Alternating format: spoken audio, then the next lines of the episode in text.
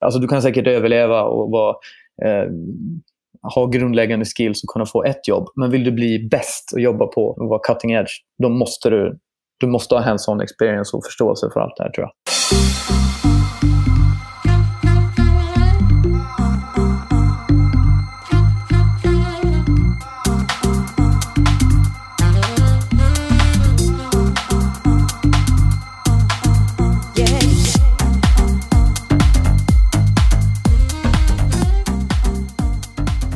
Var ett tag sedan, men nu är jag äntligen tillbaka med ett nytt avsnitt av Digital marknadsföring med Tony Hammarlund. Extra kul är att jag inleder med en ny typ av intervju, där jag pratar med marknadsförare ute på företag. Målet är precis som tidigare att ta reda på vad som krävs för att bli en digital marknadsförare i världsklass. Först ut i intervjuserien är Kristoffer Pettersson som är Head of Growth på fintechbolaget Mina Technologies i Göteborg. Du känner säkert till deras abonnemangsapp Mina Tjänster vi pratar i intervjun om Kristoffers bakgrund och hans intressanta karriär. Du får även höra om hur Mina Technologies strukturerar sina team, hur de arbetar med digital marknadsföring samt hur Kristoffer anser att man blir en bättre digital marknadsförare.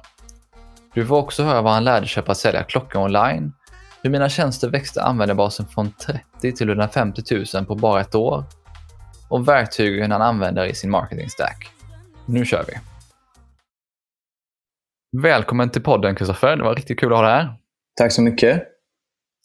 Det här är ju premiär för en ny typ av intervju där jag inte bara gör intervjuer med experter inom ett visst område utan även med andra grymma marknadsförare. Så att eh, fokus kommer ligga lite på din karriär och dig och ge en inblick i hur Mina Technologies jobbar med digital marknadsföring. Och eh, målet är lite motivera och inspirera andra marknadsförare. Så att eh, jag hoppas att vi ska få till ett riktigt bra avsnitt idag. Precis. Ja, men det hoppas jag också. Hoppas vi kan eh, prata om mycket värdefullt här idag. Ja, men det tror jag. Eh, många känner ju till er tjänst Mina tjänster där man kan hålla koll på sina abonnemang och så vidare. Men hur skulle du beskriva Mina Technologies? Um, ja, men Mina Technologies är ju ett, uh, vi är ett scale-up-bolag som vi är idag här då, som sitter i Göteborg. Och vi, vi gör egentligen det vi alltid har gjort. Alltså vi bygger en abonnemangsapp där folk snabbt och enkelt kan hantera sina abonnemang. Eh, men skillnaden idag, idag är att vi säljer den till, till banker. Då. Så att vi är ett B2B2C-företag kan man säga. Eh, men vi fokuserade på samma sak, egentligen, att bygga en riktigt bra eh, kund, alltså kundupplevelse. Eh, där, där vi bygger ett verktyg som är det enda verktyg du behöver för att hantera dina abonnemang. Och eh, Skillnaden med det vi gör idag är att du, du hittar den i din bankapp då, istället för eh, att vi primärt bygger för App Store och Google Play. Och du är Head of Growth där idag. Vad innebär det? Ja, Head of Growth ja. Eh, så jag är Head of allting som ska, som ska växa, eller att säga. Eh, inom ramen för marknadsföring. Då.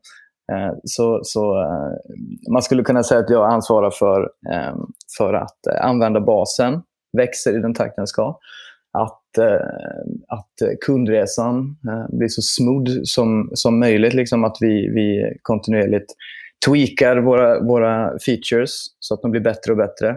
Och Sen innebär det också att, att på, i vår B2B-affär då, att driva in leads till vårt säljteam och att hjälpa till i säljprocessen då med, med, med allt ifrån content till storytelling och eh, sådär.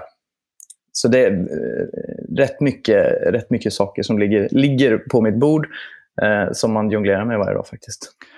Ja, det är ganska mycket. Men hur ser, om du skulle säga en, en vanlig dag för dig, hur ser den ut? Mm. Ja, en vanlig dag. Jag tror att en vanlig dag eh, det är att komma till kontoret och egentligen kolla igenom alla analytics. Liksom. Eftersom man har så mycket bollar i luften så vill man hela tiden se vad händer på olika fronter. Liksom. Eh, funkar, alla, funkar sajten uppe? Liksom? Eh, funkar annonserna? Är de uppe? Eh, och, och eh, kolla användardata. Liksom. Vad hände igår i produkten och så. Men, men sen så handlar det mycket om att serva folket omkring mig. Så, så jag är, som jag brukar säga, jag är en shared resource för hela bolaget. Och eh, jag behövs eh, både av vårt säljteam när det gäller liksom att jobba mer med säljprocessen och, och marknadsföringsstöd och jag behövs även i produktteamen. Så jag brukar gå runt och fråga liksom, var behövs jag idag? Uh, faktiskt. så, och, så. så det är en vanlig dag och, och, det är alltid nya, nya frågor. Och, men det är mycket metrics, mycket analytics. Eh, många vill veta hur, hur ser det här ut? Behöver underlagen för produktbeslut och så. Så då hoppar jag in i, i, i mina metrics-verktyg och plockar fram ja, underlag och rapporter och så. Men det här är idag. Du, eh, din resa till den här tjänsten som Head of Growth har inte varit helt spikrakt.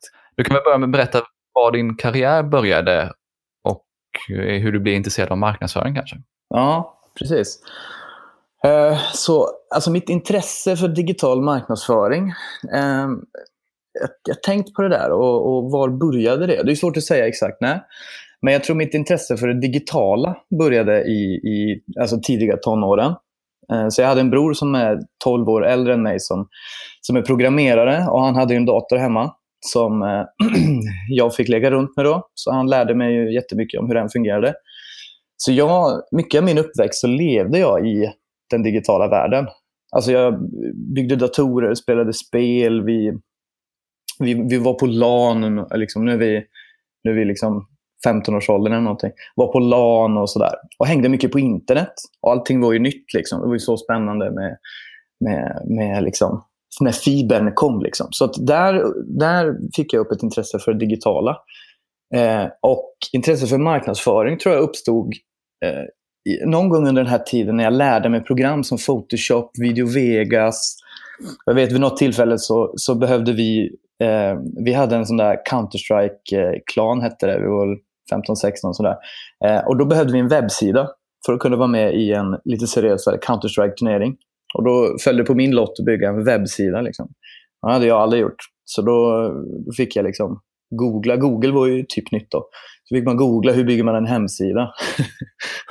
Den blev väl inte så vacker kanske. Men, eh, men eh, där kände jag att det här är riktigt kul. Alltså att kombinera webb med, med media och, och eh, bygga en upplevelse som någon sen ska gå in och konsumera. Liksom. Någonstans där kände jag att det här är ju det här är min grej. Um, vad, vad, tog du vägen efter det då? Ja, sen, sen eh, började jag faktiskt på universitet och läste på LTU. Så läste jag ekonomi i tre år. Eh, och där läste jag inriktning marknadsföring. Eh, och då trodde jag att jag skulle börja jobba på reklambyrå. Eh, men det, så blev det inte. Utan jag började som eh, säljare i försäkringsbranschen. Mm. Så eh, ja, jag började på ett försäkringsbolag i Luleå när jag var 21 som försäkringssäljare. Eh, insåg snabbt att jag var ganska bra på det eh, och, och, kände att ja, men jag vill nog liksom bli, bli bättre på det här och bestämde mig för det. Så jag, jag läste mycket litteratur, mycket sån amerikansk säljlitteratur som typ Brian Tracy och såna här gamla Napoleon Hill och Tony Robbins eh, som, som eh, pratade om försäljning eh, och hur du, hur du blir bättre på att sälja och hur du gör behovsanalys och hur du presenterar och går på avslut och allt det där. Så det tyckte jag var jätteroligt under den tiden. Uh, fick väl resultat där. Blev ganska snabbt en toppsäljare. Eh, fick ett, eh, en ny roll sen som säljcoach efter ett år. Eh, så jag började coacha säljare i sitta och medlyssna och liksom, säg det här, säg det här, så här borde du tänka och så vidare. Och sen ehm, ungefär ett, ett, år in, in i jobbet jag hade då som säljcoach så fick jag förmånen att vara med på en, min första startupresa. Jag hade några kollegor som skulle eh, starta ett nytt försäkringsbolag helt enkelt. Eh, och frågade om jag ville vara med och bygga en säljorganisation från grunden. Eh, och Det var inte så mycket att, att, fundera på. Det tyckte jag lät jättespännande. Så vi gjorde det um, och, och eh, drog igång ett nytt bolag och gjorde egentligen samma sak. Så jobbade jag med att utbilda och coacha säljare då i, i två år. Um, kände väl att jag nådde någon form av platå när, när försäljning Ehm, försäljningen var, det var väldigt likt dag till dag. Jag kände att jag behöver, behöver få in något nytt liksom i min värld. Och jag ville jag ville göra någon, någonting annat. Visste inte riktigt vad det var. Men marknadsföring hade jag tänkt på länge och eh, slutade med att jag sökte in till, en, eller till lite olika skolor eh, och, och, kom in i, eh, på Handelshögskolan i Göteborg eh, på en masterutbildning i marknadsföring. Eh, och tänkte att det är nog ett bra spår. Men du, du fick väl, om jag inte minns helt fel, så du hade väl någon annan roll där också på för, den försäkringsstartupen just där du fick börja lite med det här med arbeta mer med data och KPI och så vidare. Precis. Så jag hade en roll eh, ett tag som eh, quality manager, hette det. Så det handlade om att eh, Eh, i princip sitta med, med näsan i Excel och mappa ut all, all data vi hade från eh, försäljningen. Så jobba mycket med försäljningskopior och bygga upp en förståelse för alltså, försäljning, försäljning i relation till tid. Liksom hur mycket försäljning i timmen och hur mycket olika säljare sålde, kolla på trender och sådär. Så inte helt olikt det man gör idag, typ i Google Analytics. Då. Varför bar du av till eh, just Handels här då? Och här i Göteborg? Ja, alltså jag hade två, jag hade två spår. Det ena var Handels i Stockholm. Där hade jag inte nog bra betyg. Så då var andra spåret Handels i Göteborg. Eh, och där kom jag in. Så det var, jag gick mycket på skolan och tänkte att eh, det är nog, båda är nog bra skolor och där har jag liksom möjlighet att bygga bra nätverk, tänkte jag. Eh, så det var inte svårare än så. Ja, men det är, och efter den här, nu går du på Handels här i Göteborg. Vad hände sen efter? Vad, vad, kom, vad kom det härifrån till där du är idag på Minna? Ja, ja det är ingen, alltså att börja på Handels och läsa marketing master, liksom, det är ingen självklarhet att man ska bli en digital marknadsförare. Eh, där. Det, det är ju ingen... Eh, väldigt lite av undervisningen handlar om digital marknadsföring. Då. Eh, men eh, det som var bra var ju den intellektuella utmaningen och nätverket. Så till exempel då så var det en gästföreläsning en dag med eh, eh Jarno Vanna Tapio som startade bolaget eh, Nelly.com. Vid den tiden hade han drivit ett bolag som hette Susu och han hade ännu inte startat sin eh, Naked.com. Då. Eh, och han var där och pratade om e-handel, eh, om sin resa och det han hade gjort. Eh, och Jag vet att han pratade specifikt om Daniel Wellington som precis hade börjat eh, booma. Då. Nu, nu är vi någonstans 2014 2013, 2014.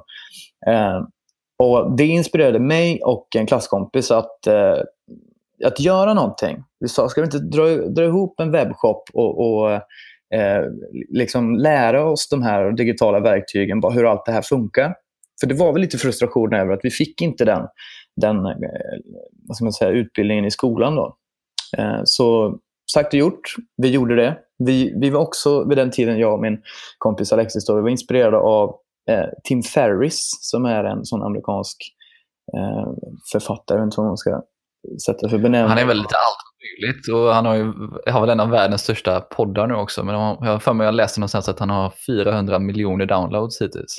Ja, ja men precis. Han är en egen poddkategori, så han, han är Tim Ferris. Liksom. Eh, men han har skrivit en bok som heter Four Hour Work Week som, som handlar om att eh, egentligen bygga upp ett bolag outsourcade och låta det eh, så mycket som möjligt liksom, eh, driva sig själv och frigöra din tid. Så vi, vi var inspirerade av det och sa att ska inte vi försöka göra det på kvällarna under plugget nu? Och så bara för skojs skull. vi hade absolut ingen tanke på att det här kunde bli någonting. Utan vi tänkte mer att nu får vi lära oss att bygga en webbshop. Vi får lära oss eh, kanske lite Facebook advertising, lite Google Analytics och hur allting hänger ihop. Det kändes eh, relevant efter Jarno varit där och pratade om hur extremt viktigt det är att man har kunskap om det här. Eh, så vi, vi satte upp en webbshop. Ehm, vi ehm, bestämde oss för att börja sälja klockor Eh, lite inspirerat av Daniel Wellington där. Då. Eh, och vi var egentligen väldigt ointresserade av klockor. Vi kan ingenting om klockor, utan vi ville bygga... Vi är ju marknadsförare. Vi ville bygga en, en webbshop. Liksom.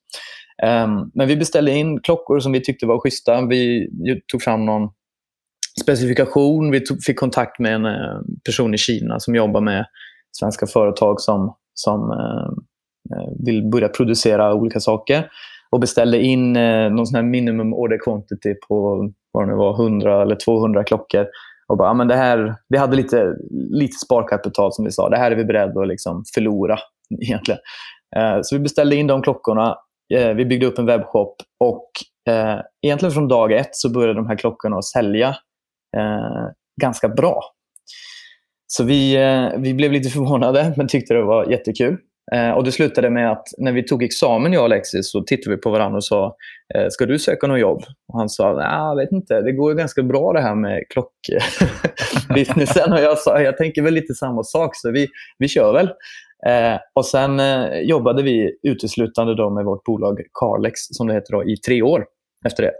Så vi, vi sökte inga jobb. Så vi, vi, eh, var, vi blev egenanställda entreprenörer um, direkt.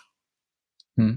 Det finns ju för och nackdelar med det. Men det var, eh, och, och, där och då så eh, där, där, förstod vi vikten av att liksom, ah, okay, vi måste driva trafik, vi måste bli bra på konverteringsoptimera, vi måste bli bra på sociala medier, vi måste förstå det här med influencers. Eh, och, och, Det var en tid då, upplevde jag, där mycket av till exempel influencer marketing var helt nytt. Eh, ehm, mycket tools och verktyg som, som liksom idag är praxis i e-handeln tyckte jag var relativt nya då. Så vi fick liksom möjligheten att, att vara tidigt på bollen. Um, vi förstod direkt att Facebook Ads var uh, en riktigt... Uh, det var riktigt shit. Och på den tiden så var det ju... Alltså jag skojar inte om jag säger att det var fyra gånger så billigt som det är idag. Det var nästan inga e-handlare som har plockat upp bollen då, eh, 2014. Det är väl en överdrift, men, men om man jämför med idag så är det mycket mer mainstream. Eh, budgiv, det är fler som är med i budgivningen idag på annonserna. Så det var ju, vi hade liksom kost per klick under två kronor konstant. Eh, kostade ingenting att driva trafik till vår sajt. Så, så sidan behövde inte ens konvertera särskilt bra. så mycket var ju tack vare Facebook Ads egentligen. Men, mm. men vi bestämde oss för att bli bra på det och jobbar man med det där varje dag i tre år så blir man ju, eh, så, så blir man ju bra på det. Eh, så ja, men vi bestämde oss för att bli bra på det. Vi konsumerade konstant liksom, eh, poddar och bloggar om SEO, content marketing och hela tiden nya idéer. Vad har vi inte testat? Vad, vad gör andra företag? Vad kan vi lära oss av dem? och sådär. Eh, så det var, det var eh, den resan med Kalix. Och Sen kände jag väl att eh, jag på något sätt nytt hamnade i en platå där varje dag handlade om att, att sälja fler klockor. Och Jag kände att jag ville ha en en, en ny typ av intellektuell utmaning. Jag var sugen på att jobba på ett startupbolag och vara med och bygga liksom ett lite större bolag. Eh, och Sen ville jag eh, också ha fler kollegor, helt ärligt. Jag kände att jag sitter på café varje dag, för vi hade inget kontor då. Eh, så jag kände att det var dags för nästa grej.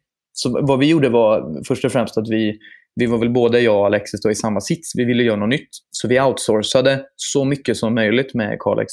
Så att vi, vi knappt behövde jobba en halvtimme om dagen med det här. Eh, så... Återigen enligt Tim Ferris princip där då? Exakt. Alltså, textbok eh, bara följde receptet där som han har. Eh, men det finns ju mycket bra företag, sådana eh, tredjepart logistikföretag och som även har kundtjänst och, och, och, och sådär. Som, visst, de tar en, en, bit av marginalen, men det är ju otroligt skönt när man bara liksom kollar mejlen en gång per dag och ser att allting snurrar utan att jag gör något. Det är ju man börjar också fundera på vad, jag gör, vad har jag gjort för nytta här? egentligen. Jag klarar sig själv. Um, nej men, och då, då sa jag till mig själv att jag ska verkligen... Eh, liksom, jag har ingen brådska med att hitta något nytt jobb, men jag ska endast söka ett jobb som jag verkligen vill ha och därför jobba med en produkt som jag verkligen tror på. Som jag kan investera flera år av min tid och, och, och med ett team som har rätt eh, värderingar och kultur och Eh, liksom, så, så, det blir en arbetsplats man vill verkligen gå till varje dag. Eh, så jag um, var väl på rätt mycket intervjuer och sökte en hel del jobb och men kände inte um, initialt att det hade dykt upp något jätteintressant. Men sen så såg jag en annons från ett startupbolag som hette då Mina tjänster som sökte en growth hacker. Uh, och eh, growth hacker var ju då eh, det är en sån roll som än idag är väldigt... Eh, eh vad ska man säga? Den är rätt fluffig. Liksom. Vad, är en, vad är en growth hacker? Men jag, eftersom att jag jobbar med konverteringsoptimering och, och, och eh, spenderade mycket tid i, i eh, vad ska man säga, e-handelscommunityt så var jag, eh, kände till den termen. Eh, den är rätt vanlig i Silicon Valley. Då, kommer från företag som Facebook, eh, och Uber och Airbnb och de här. Så jag tyckte det var skitcoolt att ett företag i Göteborg behövde en growth hacker. Och på beskrivningen i rollen så var det exakt det eh, jag gjorde på Kalix. Liksom, att, att eh, driva trafik och, och, få användare att liksom, eh, konvertera helt enkelt med, med de verktyg jag använde. Så jag kände att det här är ju för mig. Eh, sökte det jobbet, pitchade inför grundarna, fick jobbet. Um, och Då var vi sju personer som satt på en liten vind. och mitt första skrivbord där var ett pingisbord, kommer jag ihåg. med det var så vassa kanter på pingisbordet, så jag var tvungen att ha långärmade tröjor på jobbet för att inte få, få skavsår på handlederna. Så, eh, det var ju startup-världen eh, i ett nötskal. Eh. Verkligen så. Man kom in, det fanns inga pengar, liksom. man fick knappt någon lön överhuvudtaget. Så det är ju eh, väldigt speciellt med en startup som är så små. Liksom. Ehm, men eh, alltså superrolig resa och eh, eh så roligt team. Och det var ju verkligen ett jobb jag ville gå till varje dag. Eh, och där alla var superintelligenta eh, entreprenörer omkring mig. Då. och där, där, handlade det initialt om att då få använd antalet användare att växa i appen. Alltså både anskaffning men också hur får vi folk att komma tillbaka? Hur konverterar vi till liksom, eh, köp i våra olika features då, som vi har i, i produkten i mina tjänster. Och Det är då abonnemangsappen som vi talade om tidigare. Mm. Um, så då var fokus på B2C. Det var en abonnemangsapp som vid det läget uteslutande fanns på App Store och Google Play. Sen, eh, sen kan jag bara säga då under, under första året innan vi blev Minnet Technologies, då växte vi appen från 30 000 användare till 150 000. Då. Så vi gjorde en, en, en eh, jättespännande resa där på App Store faktiskt. Ja, det var ju lite så som jag kom i, eh, nu är det här senare, men det var lite så som jag blev intresserad av att prata med dig. Det var mm. just när jag såg på LinkedIn, såg din post om att, eh, med ett skärmklipp från App Store. Just det. Där du skrev också att eh, er app nu var nedladdad mer än de flesta bankapparna ja. i Sverige. Och att till och med, det var roligt också, att Facebook kontaktade er för att fråga hur ni gjorde för att få så billiga app-installs. Ja, exakt. Så, så, eh, så om man tänker sig där på App Store, så det är också nytt. Eh, och Det är det jag tycker är så roligt med digital marknadsföring. Att, att eh, hur, hur blir man bra på App Store och Google Play? Och Bara för att ett företag är en stor bank så betyder det inte nödvändigtvis att de liksom de facto är, är, är bra på, på, på, eh, på de plattformarna. Det handlar ju förvisso om en hel del om downloads. Men det handlar också mycket om Ehm, alltså att, att ösa på med, med annonser och kunna driva liksom, trafik som, eh, som, eh, som får en att hoppa upp i listan. Och Sen handlar det om att tweaka sin, prof, alltså sin, eh, sin presentation. Det finns något som heter App Store eh, Optimization, alltså ASO tror jag det heter.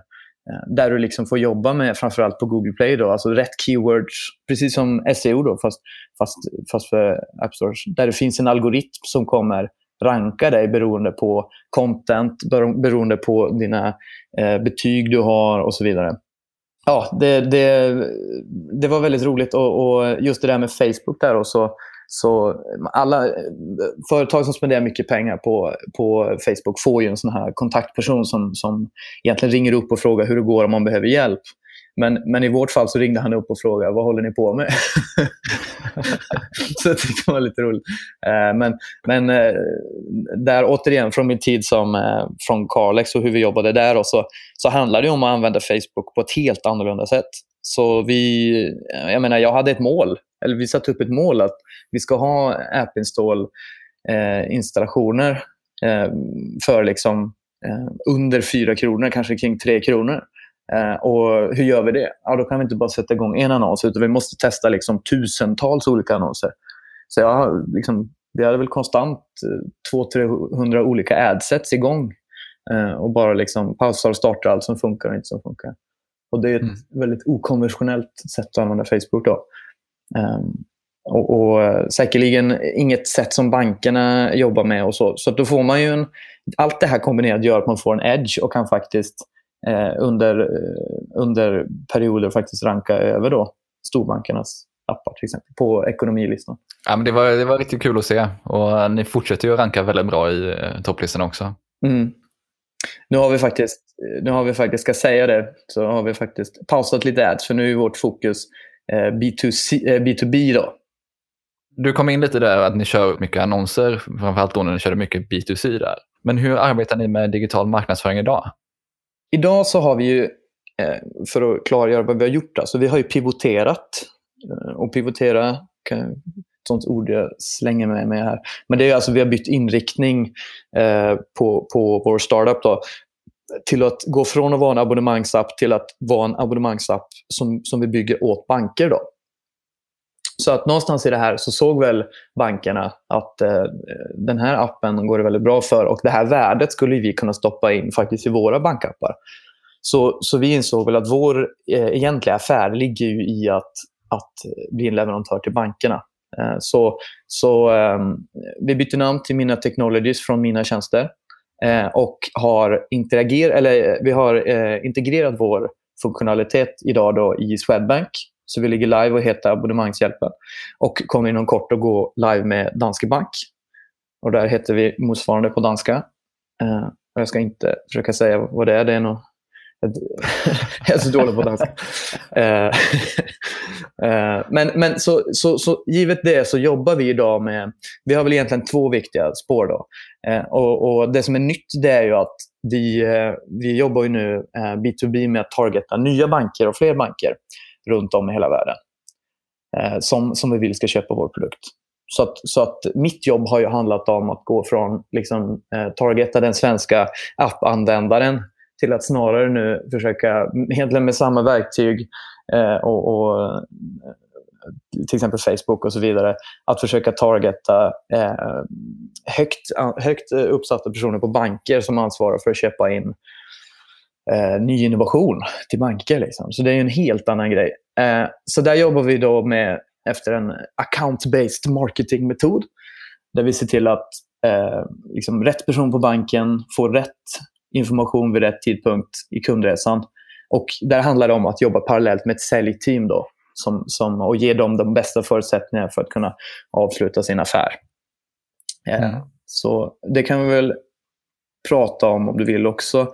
Eh, sen andra delen eh, som, som vi jobbar med idag och som jag jobbar med, det är ju mer eh, growth som, som är eh, ett ganska nytt spår inom marknadsföring som handlar om att, att kombinera produkt alltså produktbyggande med marknadsföringsverktyg. Då. Så att hur kan vi mäta allt i kundupplevelsen och brainstorma fram förslag på produktförbättringar som vi sen kan AB-testa i ett ganska högt tempo. Då. Så det är det andra spåret. Eh, och Då handlar det om att till exempel att vi tillsammans med designteamet och produktägare så, så brainstormar vi fram en ny onboarding Eh, skärm kanske, eller en, en flöde. Och, och, så sätter vi in alla mätpunkter och, och eh, ja, helt enkelt mäter under en kort period och, och tillsammans med våra gemensamma kunskaper då, analyserar, uppföljer och bestämmer om vi ska ha kvar det. Men det är ändå rätt mycket marketingtid som går dit. Då. Ja, men det är kul med de två spåren, just där produkten själv sig också ska eh, hjälpa till och marknadsföra någonstans och driva in fler nya kunder.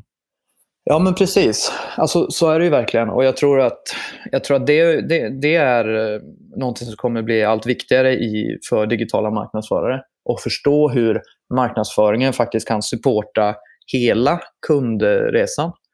Alltså, eh, om du nu bygger en digital produkt så handlar det inte bara om anskaffning utan det handlar ju även om att hur bygger vi en relation från första stund till, liksom, till, till långt in i upplevelsen så man vill komma tillbaka så du har retention. Extremt viktigt eh, liksom KPI för alla som bygger digitala produkter på olika sätt. Eh, och, och, och, hur kan marknadsföring hjälpa till till att öka konvertering långt inne i en app? Liksom? Eh, och Det är, tror jag, en kunskap som passar den digitala... Alltså det, det, är ett ansvar som passar den digitala marknadsföraren bättre än, än eh, kanske designen eller produktägaren.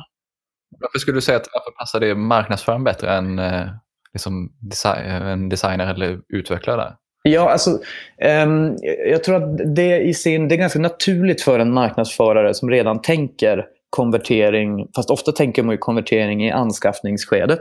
Men det är ganska naturligt för en marknadsförare att gå in och jobba med liksom, eh, marknadsföringsbudskap och testa olika, ungefär som att du skickar ett, ett, ett mail eh, som marknadsförare i, i, eh, Eh, till din mejllista så kommer du liksom experimentera med lite nya pushnotiser. Du kommer experimentera med olika typer av meddelanden på ett sätt som eh, här beror det lite på vad man, vad man kommer från för skola. För Det finns ju designers och produktägare som är grymma på det här. Och, och De jag jobbar med hos oss eh, är ju superbra på det här. Eh, men, men jag tror att själva inställningen eh, till att liksom vilja experimentera och, och, testa nya grejer, den, den tenderar, tycker jag, att komma från marknadsföringshållet. Eh, och, och, Det här kommer ju mycket med... Eh, jag vet, vi har pratat om boken eh, du och jag har pratat om boken Hacking Growth som kom av Sean Ellis och Morgan Brown. Eh, som beskriver hur, eh, hur eh, egentligen bolaget Silicon Valley som bygger digitala produkter gör det här idag. Då. Sean Ellis som var med och hjälpte Dropbox eh, i sin eh, tillväxtresa och har varit med LogMeIn med det bland annat och ett par andra bolag. Exakt. exakt. Och Där beskriver de en modell för hur man kan jobba. Eh, och, och, Den beskriver liksom rollen som en ja, kalla det growth hacker eller growth person. person som får saker att växa. Liksom.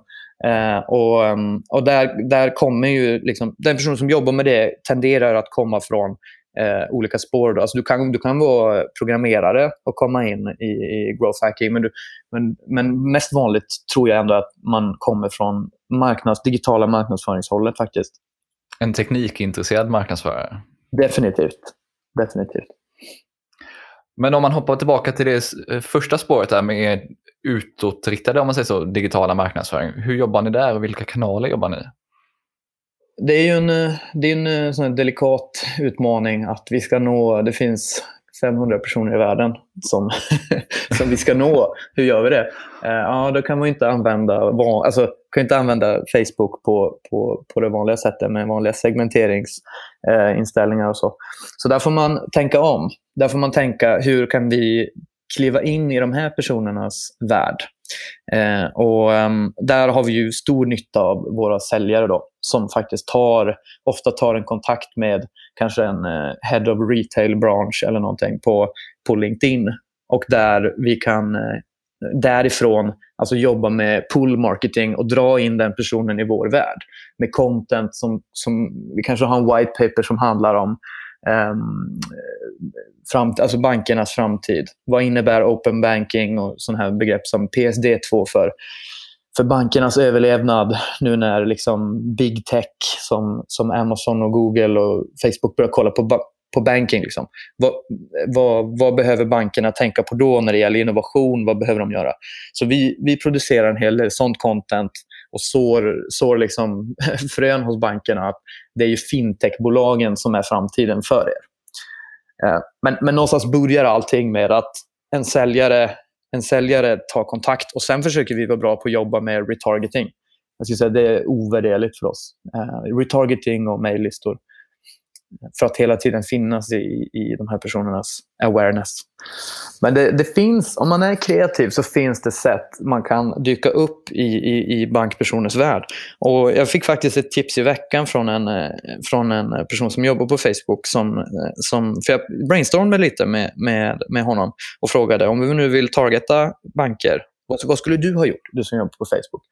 Och Då sa han att eh, alltså om ni verkligen vill nå alla som jobbar på en bank så, så uh, finns det något som heter hyper geotargeting, tror jag sa. Att där du liksom kan använda Facebooks uh, verktyg för att välja liksom en... Jag vet inte, tror om du har sett uh, Facebooks annonsverktyg. Du kan ju välja en, en, en radie en geografisk radie du vill targeta med Facebook. Den är typ en mm. mile i bredd, alltså en cirkel. Ja. Och Det är ett problem för att om, om vi säger att jag skulle vilja targeta alla som jobbar på Swedbank. Då, då, om jag sätter en sån pin på Swedbanks kontor, då, eh, då kommer jag targeta halva Bromma flygplats också. För det är, så, det, är så, det är så stor radie runt.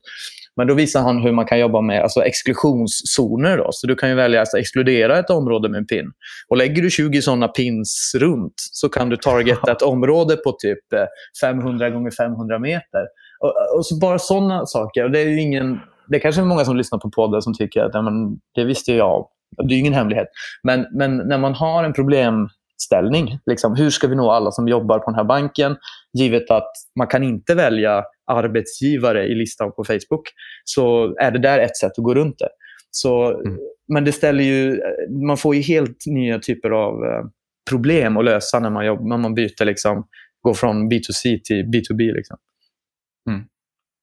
Men, eh, Ja, men den, Jag skulle säga att- jag, tror inte det, jag tror inte det är alla som känner till det där, eh, den eh, hyperlokala targeting som man kan göra i Facebook. nej. Det finns en väldigt bra bloggpost på eh, Ad Espresso som man kan googla fram där de beskriver hur man gör. Mm. Eh, Ja, vi slänger upp- fascinerande. poddinlägget sen. Ja, det tycker jag. Vi kommer in lite här då på teknik och olika verktyg. Mm. Så att nu kommer ju te- den teknikintresserade digitala marknadsföringen ut med vad, vad arbet, arbetar ni med för verktyg idag? Ja, Om ni pratar kring marknadsföring. Precis. Så vi, alltså, grundbulten i allting vi gör, eh, det är ju Analytics. Eh, och, och där så, om vi pratar vår produkt, så använder vi Mixpanel. Och vi använder även Mixpanel för våra landningssidor och så liknande. Och det är ju för att kunna mäta liksom, kundresan, för att kunna se, se hur användarflödena ser ut. Vem är våra användare? Eh, vi har ju förmånen att när vi eh, Alltså vi, nu jobbar ju vi med, med eh, bankernas kunder, så att säga. Men vi, vi, eh, vi mäter ändå vår egen kundresa då, inne i banken, kan man säga. Så vi har ju förmånen att kunna se viss data där om liksom, ehm, ehm, alltså hur länge de har varit eh, användare. Och, och Vi ser ju alltså vad de har för typ av eh, ja, förutsättningar. Eh, alltså man får, Mixpanel sparar är sådana people profiles. Så att man kan se vilken typ av användare är inne vilken tid, hur många liksom, av dem var inne den här månaden och vilka användare är liksom våra bästa. Eh, och, och, och vad är en vanlig, hur beter de sig, vilka, eh, vilka vägar tar de in i produkten och, vilk, och var liksom fastnar de i kundresan. Och så, där. så där är Mixpanel, det är vår liksom bread and butter eh, på, på daglig basis. Eh, ber- berättar från ett liksom kvantitativt sätt väldigt mycket om hur vår business går. Mm. Eh, och, så det är en sån, det kallas ju eventbaserad eh, analytics. Då. Eh, så Mixpanel är jättebra. Det finns även ny, ett nytt verktyg som heter Amplitude som, som jag kan rekommendera som en motsvarighet om, om folk som lyssnar på den här podden funderar på sådana här eventbaserade analytics. Men den rekommenderar jag alla att köra oavsett om man har e-handel eller om man har, eh, bygger en app. Liksom. Eh, så den använder vi för det. Sen använder vi i vår AB-testning så kör vi faktiskt Google Optimize som är Googles eh, relativt nya och egna tool för det här. Som är en, eh, i min värld, upphottad Optimizely. Eh, som, som möjliggör eh, att kunna AB-testa eh, på, på ett väldigt statistiskt liksom, säkerställt sätt kan man säga. Eh, vi har väldigt mycket hög trust till Google. Då, och Det är väldigt viktigt när man AB-testar att statistiken är korrekt. Att, eh, att den underliggande statistiska metoden faktiskt eh, säger sanningen. Eh, så vi, vi har fastnat för Google Optimize. Eh, och så där försöker vi, vi försöker väl köra en eh, konstant ha en eh, 10 AB-tester igång i vår produkt. Konstant för att hela tiden lära oss vad händer, vad får vi för vad får vi för eh, effekt om vi testar det mot det och så vidare. Mm. Eh, så. Men det var mer produktbaserat kanske. Eh, sen B2B så använder jag, tänkte jag kan droppa lite tools här eh, som, som vi har. Eh, Leadfeeder är ett tool som, vi, som jag använder. Då. Alltså om, om vi säger att jag driver trafik för att eh, om, jag, om jag lägger ads för att få fler banker att besöka vår sajt. Så det, det, är ju omöjligt på individnivå att säga vem har varit in på min sajt alltså som, som ett kallt lead. Eh, men däremot så kan man eh, ha sådana tools som man kopplar på Google Analytics då, som säger eh, vilka IPn hör till vilka företag. Så leadfeeder.com är ett bra verktyg som säger att idag har den här banken, bank X, varit in på er sajt och bank Y. Och de kom från, den banken kom från Facebook, eller Twitter ads eller LinkedIn ads.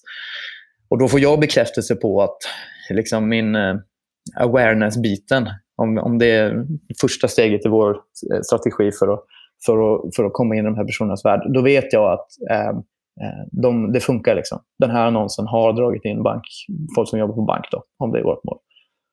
Mm. Eh, så den, den är bra. Eh, jag kan tipsa om BuzzSumo, eh, som är en marknadsbevakningstool som som eh, man kan göra content research på som vi använder för att liksom hitta i vår content marketing, alltså vilken typ av content i fintech eh, får bäst spridning.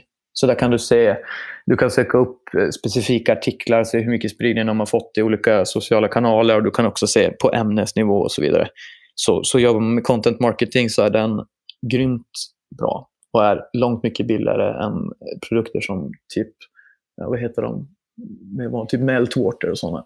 Den är inte fullt lika, ja. lika bra som Meltwater i allt det de gör, men den kostar liksom tio gånger så lite och har eh, 80% av funktionaliteten plus massa andra grejer. Så den, den är en sån som eh, jag tycker är grym. Ja, för mig som eh, content marketer i grunden någonstans så, eh, så älskar jag ju Pasumo. Det är ett fantastiskt verktyg. Ja, ja precis. Och det här just att hitta idéerna för någonting, även om man bara tar idé för vilka olika typer av ämnen som är bra att skriva om mm. och vad som delas mest och så vidare. Alltså det, det är riktigt bra. Mm. Ja, men den, den är guld värd. Och sen ska jag kunna slänga in liksom en sån här tool för, för eh, digitala marknadsförare som Alltså vill man ligga i framkant och hela tiden eh, jobba med de bästa verktygen och så, så ett sätt är ju att kolla på vad konkurrenterna använder. Eller bara konkurrenter överlag. Det kan vara företag överlag som man inspireras av. Så där kan jag rekommendera ett, ett gratis verktyg som heter builtwith.com. Jag vet inte om du har hört talas om det Tony, men um, den, den, visar egentligen alla tools som en, som en sajt har installerat på sin sida.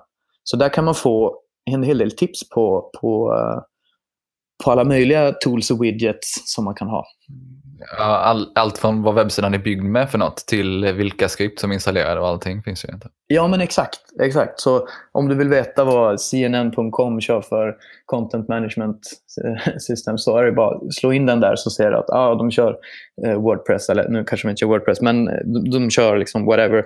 Du ser vad de har byggt upp sin kod med, och, men även liksom kör de display ads, kör de Facebook ads, kör de eh, uh, whatever. Så den, mm. den är faktiskt, där kan man sitta länge om man är lite nördig som, som mig och bara kolla in coola företag och få tips på tools och, och kunna, bygga, eh, kunna börja göra research på, på saker man kanske kan ha nytta av. Ja, men du, när du var inne på det här med lead feeder och uh, lite och prata om kundresan tidigare så, så tänkte jag, just, har ni någon typ av marketing automation system eller någonting som ni följer och interagerar med kunden genom uh, kundresan eller gör ni det på något annat sätt? Mm. Så vi, vi har inget marketing automation-system eh, idag. Vi, vi snarare så, vi jobbar mycket med, faktiskt med ads idag och retargeting. Så det är våran, eh, eh, våran automation. Och sen eh, det kan vara så att vi kommer koppla på en, en HubSpot-liknande variant eh, här framöver. Men, men eh, just nu så handlar det mycket om att, alltså i, från automation-perspektiv, att om du går in på vår sajt så kommer vi också dyka upp på Twitter, på LinkedIn och så vidare. Och beroende på hur långt du har interagerat med oss så kommer du få olika typer av content. Då. Så att vi sakta men säkert drar dig in i vår värld. Alltså, när du har visat intresse och varit in x antal sekunder på en, på en viss, viss sida så vet vi, eller vi antar att du också kan, eller du borde vara intresserad av även det här. Så att du, du kommer in i ett djupare innehåll. Eh, så, så det är mer en setup med de olika annonsverktygen just nu faktiskt. Mm. Och... Ja, men det kommer kanske mer när, ni, när du pratar om account-based marketing, att eh, just mm. med eh, HubSpot eller andra liknande system. Då. Mm. Precis. Eh, och um, det, det, är mycket möjligt att vi kommer titta på det. Våra säljare idag använder Pipedrive eh, som är sälj, säljvarianten. Då. Så det skulle vara om vi kanske kikar på att gå över till HubSpot eh, helt och hållet Eh, det är väl det vi... Eller HubSpot eller vad det kan vara. Men det, fin mm. det finns, och läser man på account-based marketing så dyker det ju upp mycket marketing automation-verktyg. Det är ju många som säljer marketing automation-verktyg som jag förstått som, som, som förespråkar account-based marketing för att det passar så bra ihop. Då. Ja, och sen är ju om man ska bygga, ha ett sånt här all-in-one-system likt eh, HubSpot där man ska bygga ihop en egen stack av eh, olika verktyg. Precis. Och där, där, är, där måste jag bara säga, där är jag som eh, marknadsföringsnörd. Där vill jag ha min egen stack. Alltså. Där, eh, där jag finner mig ofta om man jobbar med sådana all-in-one-lösningar att det saknas den här lilla funktionaliteten, den här lilla, lilla insighten som jag vill ha. Och Då kan det helt plötsligt vara väldigt svårt. Du sitter i HubSpot och kommer på att du vill ha en grej som de inte har och få in det. Liksom. Så jag är en stor förespråkare för egna, egna ihopsnickrade lösningar. Ja, inte minst just att det är väldigt lätt att byta ut någon del om någonting nytt kommer på ett visst område. Exakt. Nu är vi inne lite på hur ni jobbar, men vilka marknadskompetenser och roller utöver din roll då som Head of Growth, vad, vad finns det för marknadskompetenser inom företaget? Mm. Så vi, vi har fortfarande ett väldigt litet marknadsteam. Så i och med att vi är rätt produktfokuserade så har vi, eh, förutom, förutom mig, så har vi även en data scientist som jobbar med att liksom hitta eh, vad ska man säga, beteendemönster i produkten, hitta samband eh, och sådär. Som, den är helt klart inne på liksom research-biten av marketing. Man skulle nästan kunna argumentera för att det är en produktroll. Då. Eh, men men det, det är det vi har som det är nu. Men eh, vi på väg att skala upp också här och, och anställa fler marknadsförare. Så att, så att det blir nog, blir nog en bredare kompetens här framöver. Och ni har ju strukturerat om företaget också, eller hur ni bygger upp era team ganska ordentligt. Mm. Du berättade liksom när jag börjat arbeta enligt det här med OKRs. Kan du berätta lite mer hur det funkar hos er och vad det egentligen är? Absolut. Eh, nu ska vi se om jag kan göra OKRs rättvisa då, för det är ganska nytt för oss. Så jag, disclaimer, jag är inte Sveriges eh, OKR-expert här. Men eh, vad kan vi säga kort? Alltså, eh, OKR är en, eh, en sån klassisk målstyrningsmetod som användes av eh, Intel på 70-talet. Eh, de hade en sån, eh, sån ökänd vd som hette Andy Grove, tror jag han hette, som, som har också skrivit en bok som heter High Output Management, varifrån allt det här grundar sig. Men det är en målstyrningsmetod som har blivit upplockad på senare tid av företag som Google, LinkedIn, Oracle och så vidare. Och som handlar om att man, eh, man jobbar eh, alltså, ganska eh, väldigt eh, målmedvetet. Eh, och där eh, OKR står alltså för Objective Key Results. Och objektiv betyder ett, alltså det är ett önskat tillstånd. Så att vi vill liksom ha Eh, vi vill ha uppnått det här inom ett kvartal. Och key result är eh, ganska konkret, hur mäter vi det? Alltså vilka mätbara mål kan vi sätta upp under ett objektiv som, som när de är uppfyllda betyder att vi har nått det objektivet. Eh, och Det som är lite speciellt då i hur vi väljer att jobba med det, det är att vi har delat upp produkt, eh, produkten framförallt i olika team. Så att, så att äh, ett, team, ett team ansvarar för en del av produkten och de jobbar helt autonomt med den delen. Så att, så att äh, känner de att äh, vi behöver anställa en designer till vår del av produkten, då gör de det själva. Då kollar inte de det med andra team i bolaget. Eh, så vi är liksom, vi brukar säga att nu är vi flera startups i startupen. Och det, det finns vissa uppenbara fördelar med det. Att allting blir väldigt effektivt och alla funderar på samma problem. Eh, och, och Nedsidan är att det är väldigt förvirrande eh, initialt jämfört med hur vi har jobbat. Eh, och Omställningen är, eh, den kommer ta en liten stund tror jag. Eh, och så, ni, har, ni har egentligen skapat olika silos inom företaget. Ja, exakt. Man brukar säga att man inte ska jobba åt silos och vi har gått till att bygga extrema silos. Men då ska jag säga, då har vi, eh, alltså det är en väldigt fin setup vi har nu. Och egentligen skulle du ha min, eh, min eh, kära kollega Jonas som ska förklara det här. Eh, men men eh, så, för att de här silosarna ska få det stöd de behöver så har vi också olika communityn i bolaget. Så att, så att eh, i, ett, i ett team så kan det ingå fyra utvecklare, en designer, och en produktägare och kanske en marknadsförare.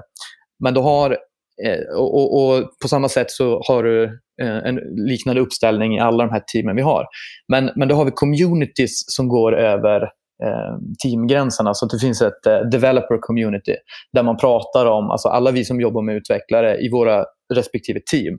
Vilken, vilken, eh, vilken kodbas ska vi ha? Hur ska vi strukturera upp koden? Och så vidare. Och, och sen utöver det så finns det något som vi kallar för ett Autonomy Alignment Team. Som är ett team som syftar till att serva de här teamen och se till att det finns alla förutsättningar för att lyckas. Och framförallt på rekryteringsbiten, så om ett team behöver rekrytera en designer så behöver de inte vara experter på att rekrytera. Alltså rekrytera. Eh, det, om du är produktägare eller designer så är det inte nödvändigtvis så att du, du, du har lång erfarenhet av att rekrytera eh, utvecklare. Liksom. Så att där behöver du stöd. Och då, eh, då har vi ett team som liksom supportar med, med det. Då. Men vad, vad innebär det för hur ni jobbar med marknadsföring? Ja, eh, så som vi använder marknadsföring idag, eftersom att vi är ett rätt litet team och alla de här teamen då, eh, alltså marknadsföringsteamet är väldigt litet. Det är i princip bara jag och min kollega Klobbe som är data scientist som nu tillhör ett specifikt team faktiskt. Eh, så, så innebär det att min kompetens behövs i de olika teamen. Så jag är en, eh, jag kallas för en shared shared talent säger vi. Men jag är alltså en resurs som, som eh, servar de olika teamen med marknadsförings eh, och produkt och growth, eh, eh, alltså eh, vad ska man säga, arbete. Då. Så att vissa team kan säga att vi behöver en dashboard som visar hur produkten går just nu. Och Då bygger jag upp den dashboarden och levererar det till dem i Mixpanel så att de kan följa liksom, sitt produktarbete. Och, och, Ett annat team kanske säger att vi, vi, vi behöver hitta ett nytt sätt att nå den här banken i ett tidigt skede. Till exempel de som jobbar med, med, med, med mot banker och bankprodukter. Så då, ehm, då hoppar jag in där och hjälper dem med, med att ta fram en strategi och, för det. Då. Du var inne på lite det här med rekrytering. Vad, vad tittar ni på när ni rekryterar marknadsförare eller kompetens inom marknadsföring? Och det här är en sån eh, multimillion dollar question, höll jag på att säga.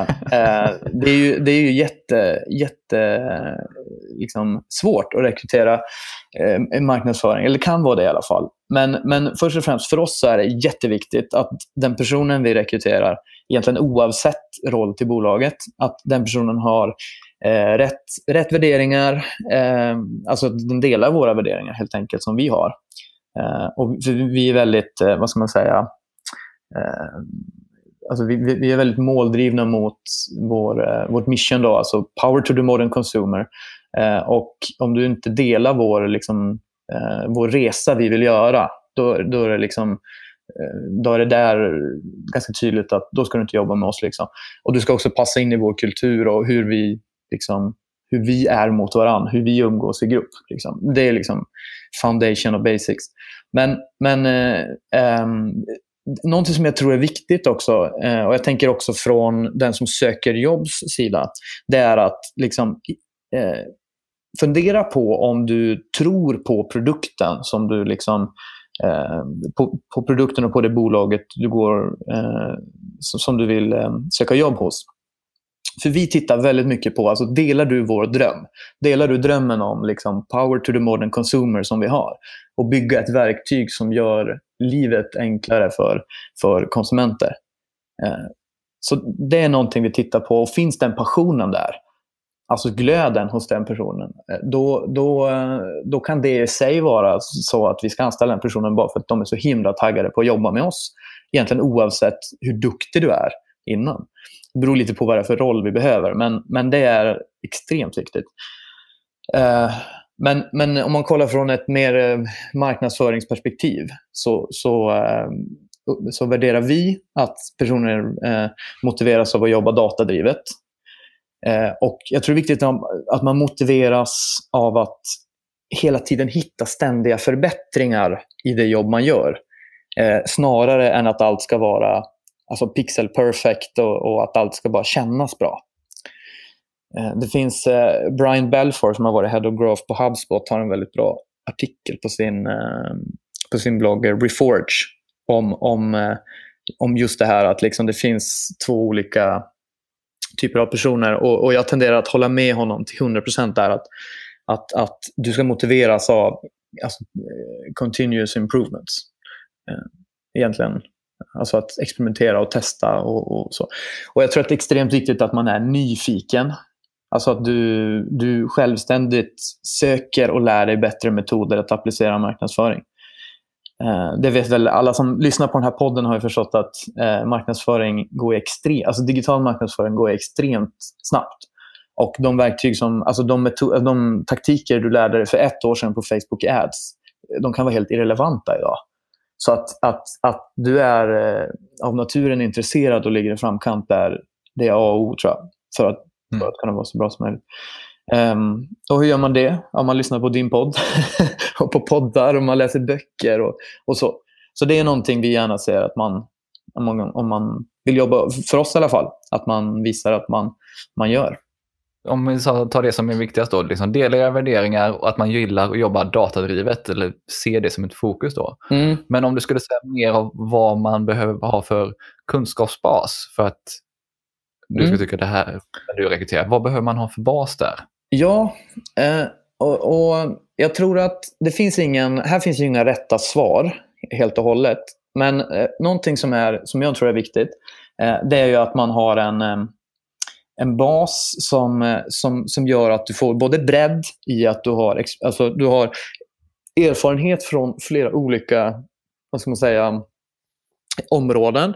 Men också att du kanske har ett djup på något av de här områdena så att du är eh, liksom expert. Du, du är eh, branschexpert på, på någonting. Liksom.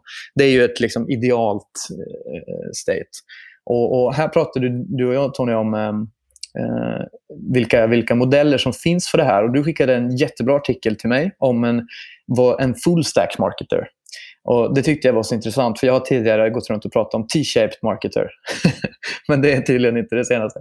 Eh, men full stack marketer, eh, och du skickade för att vara konkret då, en eh, medium-artikel om det här. Och det, det, handlar om att man har en Eh, du har en, eh, olika stacks av kunskap. Så att du kan ha en grundläggande digital förståelse där det handlar om eh, alltså att du känner till grunderna i programmering.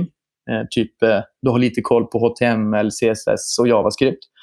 Det ser jag till exempel är en väldigt stor fördel om man, om, om eh, för, folk som jobbar för oss. Då, att man kan ganska självständigt gå in och eh, ändra i ändra i tracking, alltså Eh, installera tracking-script. Eh, Jobbar man med Mixpanel så är det lite mm, JavaScript som behövs för att sätta upp det. Men det är absolut ingenting som är eh, alltså avancerat, utan det är ganska basic. Eh, nästan eh, copy-paste i vissa fall. Eh, men, men en grundläggande förståelse för programmering och, och, så tror jag är jätteviktigt i ett, framförallt i ett produktföretag. Eh, alltså grundläggande förståelse för design, eh, beteendepsykologi, alltså bara förstå hur folk använder produkter. Eh, att kunna berätta en story, storytelling. Och, och sen också en förståelse för analytics. Liksom, på en high level, hur mäter vi en kundupplevelse oavsett om det är produktföretag eller e-handel eller vad det är. Mm. Så det är liksom så grundläggande digital förståelse. Eh, och pratar vi mer konkret marknadsföring så tror jag att eh, liksom, ha en förståelse för konverteringsoptimering. Eh, liksom, hur kan vi få fler användare att gå längre i upplevelsen utan att liksom, droppa av i olika flöden. Eh, jag tror det är jättebra om man har en förståelse för copywriting eller i vårt fall så produkt, alltså det man kallar UX-writing. Eh, alltså en, i alla fall en grundläggande förståelse för vad, vad är en bra sak att, att, att, säga just här i produkten. Alternativt, om du nu jobbar med, med content, liksom, vad, vad är en bra vad är en bra skriven liksom, artikel? Hur lägger man upp den för SEO eller för, för vad det ska vara? Mm. Um, jag tror det är bra om man kan mappa ut kundresan med funnels, till exempel i Mixpanel. Um, att, att, ha en förståelse för AB-testning och även uh, wireframing. Uh, vi jobbar mycket med Sketch uh, idag. Och eh, att kunna brainstorma i Sketch eller Photoshop eh, är väldigt värdefullt om man jobbar i ett sånt eh, vad ska man säga, team som har många olika kompetenser som designers och utvecklare och så, men där man alla jobbar mot att brainstorma fram en bättre liksom, variant av en, en, del av en produkt. Då är wireframing väldigt bra. Uh, så, men det är väl det. Det är väl den andra liksom, uh, bricken här av liksom grund, grundläggande skills. Och, uh, vi pratade innan här om är AB-testning grundläggande skills jag kan argumentera för att det inte är det också. Så det beror på hur djupt man pratar. Men, men om man pratar en grundläggande förståelse för vad man kan göra med det och att man har lite hands-on experience. Eh, det är väl, det är väl eh, det jag tänker på när jag säger det här, i alla fall. Mm. Eh, men sen har du ju liksom, du pratar, om du verkligen vill, vill bli, eh, Eh, alltså välja ett expertområde så, så tror jag det är bra om man är bra på, på, på, på någonting då som till exempel eh, alltså PPC, pay per click ads, eh, alltså innefattar Facebook, Twitter, Instagram, LinkedIn. Eh, eh alltså SEO, on-site, off-site, eh, sociala medier, marknadsföring, eh, content marketing, Eh, kunna jobba med retargeting och, och, och e-mail marketing. Och om man pratar expertkunskap så det beror ju på vad man söker för tjänst och så. Eh, men om man tänker i vår sits på Mina Technologies så jag ser inte att vi skulle anställa någon renodlad SEO-expert till exempel på, på nära tid. Utan jag skulle nog snarare uppskatta om någon hade eh, liksom lekt runt och fått resultat med PPC, med SEO, med sociala medier, med retargeting. Att man satt upp sina egna setups och man har fått resultat. och du, du vet hur du ska använda de här verktygen för att nå en strategi. Mm. Uh, och där, det, där handlar det om att bara alltså experimentera. Uh, lek runt själv på din fritid, tänker jag. Eh, så, så om, om, om jag anställer, jag sitter på intervju med någon som säger att jag konstant leker runt och jag har en egen blogg och jag har satt upp en egen e-handel för skojs skull, liksom, utan att det ska kosta så mycket pengar. Eh, och sådär, då, då har du mig, då har du mitt fokus. För, för eh, det är den typen av nyfikenhet jag tror krävs för att bli bäst. Liksom. Om, om vi ska liksom definiera skills man behöver. Alltså, du kan säkert överleva och vara, eh, ha grundläggande skills och kunna få ett jobb. Men vill du bli bäst och jobba på och vara cutting edge, då måste du, du måste ha hands-on experience och förståelse för allt det här tror jag. Sen handlar det väl också om att, att man ser att om man vill jobba under en längre period i marknadsföringsbranschen så är det nog svårt att rikta in sig på en enda kanal. Eh, om man förutsatt att man inte vill jobba på en, en byrå som bara jobbar med det. Exakt. För det som funkar idag behöver inte funka imorgon. Eh, och sen är det alltså, jag har pratat med, jag kommer att ha en intervju med eh, en kille som arbetar med AI inom mark marknadsföring. Mm och just hur det påverkar oss digitala marknadsförare. Och det sätter till exempel det här med PPC. Kommer, alla kommer få lyssna mer på det avsnittet och förstå mer hur det kommer påverka. Mm. Men just det här med vad är det som, att tänka på vad kan AI göra bättre än oss som marknadsförare? Mm. Är det rimligt att specialisera sig på att sitta och optimera PPC-kampanjer? Mm. Eller tror jag att Facebook eller Google kommer göra det bättre i sina verktyg? Precis. Eh, det är väl lite sådana saker som man också får ta in i hänsyn när man väljer vad man tittar på för expertisområde. Mm. För lite sloganen med det här i den um, Full Stack Marketer-artikeln var just att uh, Jack of all trades, master of one. Mm. Att när man, när man har fått den här överblicken, att inte, när man ska välja sin expertis, det man ändå kan lite extra i och det man kanske till och med är riktigt duktig i. Precis. Att, in, att tänka smart där. Mm. Det är väl bara så som jag tänker kring det för att eh, jag har ingen lust att bli utmanövrerad av AI. Nej, verkligen. Jag tycker du har helt rätt där. Att, eh, att bara gå all in på en grej och strunta i allt annat, det är sannolikt. Eh, det är ungefär som att du investerar med aktier och bara går all in på en aktie. Det är ganska hög risk. Och eh, Jag tror att, att komma ihåg som marknadsförare, liksom, att kunna koppla affärsmål, vad är det vi på en väldigt high level vill göra, till att se marknadsföring som, alltså, som, som olika typer av verktyg bara för att nå det målet. Och att kunna ha en förmåga att hoppa mellan de här verktygen och testa. För ofta, jag som jobbar på startupbolag då till exempel, att där är det sällan skrivet i sten hur vi ska nå våra mål. Alltså eh, som definitionen av ett startupbolag, eller, eller mm, startupbolag i sig är ju nästan, de flesta når ju aldrig sina mål. Det är ju en sån hög risk att bara starta ett startupbolag. Så att kunna liksom hela tiden jobba med de här olika och se det som verktyg. Men att hela tiden kunna mappa dem till hur påverkar det det här slutgiltiga målet som vi har? Alltså business, businessmålet. Det är någonting som jag tror en AI... Eh, det kommer nog ta längre tid, eh, i alla fall innan en AI har listat ut det. Eh, Mm. Alltså att bara, bara räkna ut lifetime value över olika eh, kanaler och sådär. Customer lifetime value. Det är någonting som blir genast en, en dimension svårare för en AI och sånt. Så att, så att mm, mm, jag tror man ska tänka, tänka mer så snarare än att man ska bli eh, superbra på bara liksom PPC. Precis som du säger, man vill ju inte bli ut, utmanövrerad. Allt för tidigt i alla fall. Ja, nej, eh, nej det, det har jag ingen större lust med. Men vad har du för råd till marknadsföring om vi eh, fokuserar på om man nu ska bli riktigt bra på marknads, digital marknadsföring som vi pratar om nu då. Mm. Vad tycker du att man ska göra då? Ja, men, två saker. För det första, eh, lyssna på poddar, läs böcker, läs ljudböcker. Hitta det som funkar för dig. Om det, är, det kan vara att det är Blinkist som funkar bra, alltså ljudbokssammanfattningar. Eller att det är bloggar eller att du, du liksom plöjer böcker. Liksom. Eh, men hitta det som funkar för dig för att hålla dig uppdaterad över flera olika områden. Eh, så eh, det, det tror jag är jätteviktigt. Sen liksom, nästa steg är också att inte bara lyssna på det utan också testa och applicera de här verktygen och taktikerna man läser om. Eh, och, och fundera hur, liksom, hur kan jag, hur, hur kan jag liksom ha de här som ett, som ett verktyg i mitt verktygsbälte här och kunna ta upp vid precis rätt tidpunkt när min chef kommer och säger att du, nu måste vi, liksom, vi, har, vi måste byta strategi, vi måste göra det här. Så att du liksom är förberedd på, ah, men okej, då har jag tre olika eh, strategier, eller då har tre olika verktyg som skulle kunna eh, få mig att nå det här målet. Då. Så att implementera, ha hands-on experience på, på allting du läser om, ska jag säga är eh, jätteviktigt. Mm. Eh, och sen, eh, sen eh, alltså nätverka.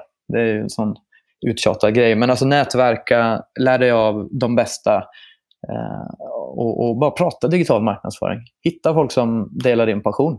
Eh, jag tycker när jag pratar med alla som, som är intresserade av digital marknadsföring, oavsett om jag bara tar en fika eller vad vi gör, så alltså jag får alltid liksom tre artiklar och två poddar jag har missat. så guldgruvor. Liksom. Eh, jag känner bara nu, jag pratade med dig här Tony innan den här intervjun och du gav mig så mycket eh, saker liksom, som jag ska sätta tänderna i. Så att nätverka, prata med folk som delar din passion, som också ligger i framkant. Det tror jag är viktigt. För det, jag tror det är viktigt för många marknadsförare, fram, framförallt de som sitter på lite mindre företag, att det blir lätt att man är marknadsförare för sig själv. Mm. Eh, och man har ingen på, på sin arbetsplats att diskutera och bolla sådana här saker med. Precis. Och då är det extra viktigt att just hitta de sammanhangen där man kan prata med andra som är lika nördiga på det området själva. Exakt. Och, och jag skulle säga, hittar man, ingen, hittar man ingen om man bor i en liten stad eller man hittar ingen i sin absoluta fysiska närhet så finns det ju väldigt mycket, det finns ju väldigt bra communityn online. Jag, jag är ofta inne på growhackers.com som är Sean Ellis eh, forum kan man säga. Eh, och, men det finns även, liksom, går man in på Quora eller lite whatever. Reddit har bra, ibland bra marknadsföringsdiskussioner. Så att, hitta det forum som passar för dig. Men det, det finns diskussioner ongoing om man bara söker efter. Jag ska säga det innan jag glömmer det också. Det finns, eh, börjar dyka upp en, en mängd bra Slack-communityn för digitala marknadsförare som jag tycker folk ska kolla in. Du var inne på poddar och böcker och så vidare här innan. Vad har du för tips på resurser eller poddar och annat som du tycker att man borde kolla in? Ja, ehm, så om det är två, liksom, eh, två, om jag fick rekommendera två böcker, eh, bara två böcker, så skulle det vara eh, Sean Ellis och Morgan Browns bok Hacking Growth. Eh, som eh, eh, beskriver liksom den, den nya marknadsförarens roll på ett väldigt bra sätt. Eh, och sen så är det boken Lean Analytics som eh, beskriver hur kan eh, alltså, så mer analytics-delen och, och, och hur du ska tänka när du mäter ditt liksom, företags prestation från, från produkt eller marknadsföringsperspektiv. Det är en riktig guldgruva. Och poddar, så här, vad, vad lyssnar du När du inte är med här i den här podden, vad lyssnar du på andra på poddar? Ja, alltså jag är en sån, jag lyssnar ju på, på om man pratar renodlade marknadsföringspoddar så tycker jag om eh, Eh, jag tycker om den som heter Marketing School med eh, Neil Patel och Eric Sue. Som är en sån väldigt lättsmält eh, podd med korta avsnitt. Men där man får väldigt mycket tips på taktiker, strategier och tools och sådär. Sen, Sen gillar jag att lyssna på, eftersom jag är i startup-världen, så gillar jag att lyssna på alltså framgångsrika personer som jobbar som Head of Marketing eller Head of Growth på alltså Facebook och Airbnb och Uber och de här. Så jag försöker vända på det. Jag försöker söka ofta efter specifika personer som jag för stunden är intresserad av.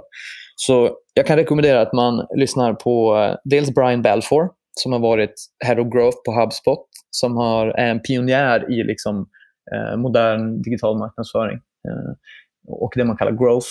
Eh, jag kan också rekommendera att man lyssnar på Alex Schultz som är Head of Growth på Facebook. Extremt spännande insikter om vad som, hur de ser på, på marketing. Ja, det, det finns mängder med poddar. Och kollar man in... liksom, um, Det finns en podd som heter Masters of Scale med Reid Hoffman till exempel som, som, som går lite bredare men pratar mer om startupbolag och så.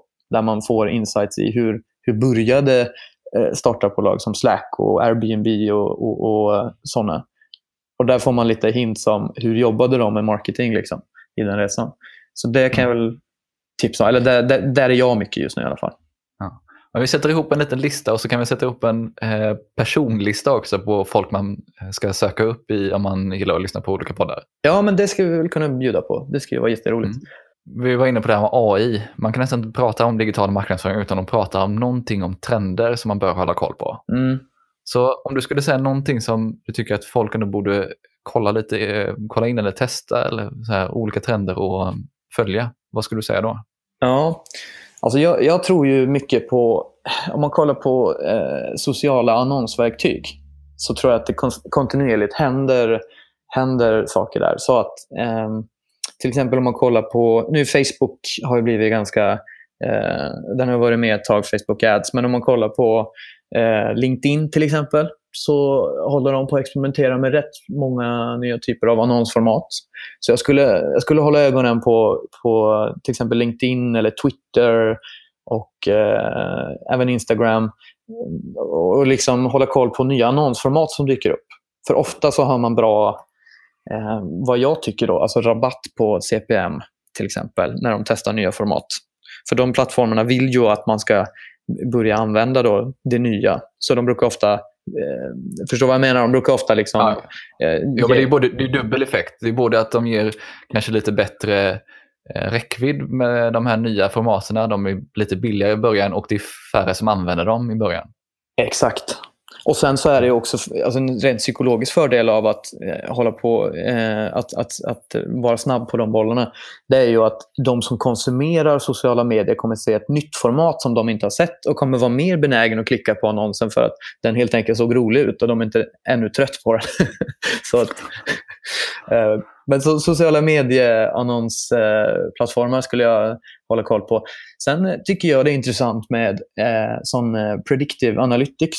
Alltså eh, vilka, mm, och det, är ju lite, går ju åt eh, det artificiella hållet. Då. Alltså vad, ehm, eh, säg att du, du använder Mixpanel. Eh, så börjar de, de börjar bli bättre på såna verktyg som, som, som säger att den här personen är, alltså kommer att konvertera om tre månader därför att. Liksom. Mm. Så sådana verktyg tror jag kan vara väldigt användbara. Framförallt om man är eh, ett litet marknadsteam och behöver insights och du har kanske inte en data scientist in-house som kan sitta och göra alla de här grejerna. Så ja. det tycker jag är intressant, predictive analytics. Ja, men det är bra, för det, vi kommer ta upp en del i avsnittet här framöver om AI. Så att, eh, då kommer det massa roliga verktygstips där inom som använder olika typer av maskininlärning eller den här typen av förprognoser och så vidare. Eller mm. eh, andra typer av automatiseringar. Det ser jag fram emot, verkligen. Det var jättekul att prata med dig med det här idag. Och jag tror att eh, alla som lyssnar kommer gilla de här tipsen som du har gett. Allt från alla verktyg till och också sett den här resan som du har gjort. Och att det inte alltid behöver vara spikrakt. Man behöver inte gå en utbildning till digital marknadsförare för att sitta som mm. Head of Growth på ett företag. Mm. Ehm, för det tror jag är viktigt för många att förstå att det behöver inte vara den vägen man går. Mm. Ja, men precis. Helt rätt. Men om man skulle vilja följa dig och följa Mina Technologies om vad som händer, vad gör man det bäst då? Mm. För att följa Mina Technologies tycker jag ni ska kolla in på vårt eh, Instagram-konto som heter life at Mina Technologies. Där försöker vi vara superautentiska med hur, hur livet ser ut hemma hos oss, i vår familj. Och vill ni följa mig, så, eller komma i kontakt med mig, så LinkedIn är en bra plattform. Så adda mig där. Så mm. uppmuntrar jag till nätverkande och, och bra liksom, knowledge sharing där. Det är jag alltid öppen för. Tack så hemskt mycket för idag. Ja, men tack själv och tack för att jag fick vara på podden här. Det var superroligt att vara med faktiskt. Hoppas att du gillade det här avsnittet lika mycket som jag gjorde. Då det är den första intervjun av den här typen så hade jag gärna tagit emot din feedback. Gå bara in på LinkedIn och skicka ett meddelande till mig. Som vanligt finns alla länkar, resurser, sajter och personer vi pratar om i avsnittet listade i poddenläget på tonyhammarlund.io. Jag testar också en ny bonusresurs för den här typen av intervju, där min gäst delar med sig av alla verktyg de använder i sin digitala marknadsföring. Sin marketing stack som det brukar kallas. Är du lika teknikintresserad som jag så hoppas jag att du går in och laddar ner den här listan. Lite många call to actions här kanske, men jag hoppas att du ändå hängde med. Avslutningsvis vill jag också passa på att tacka på Mikael på Newbreeze Music som både klipper podden och står för musiken. Ha en fortsatt riktigt bra dag.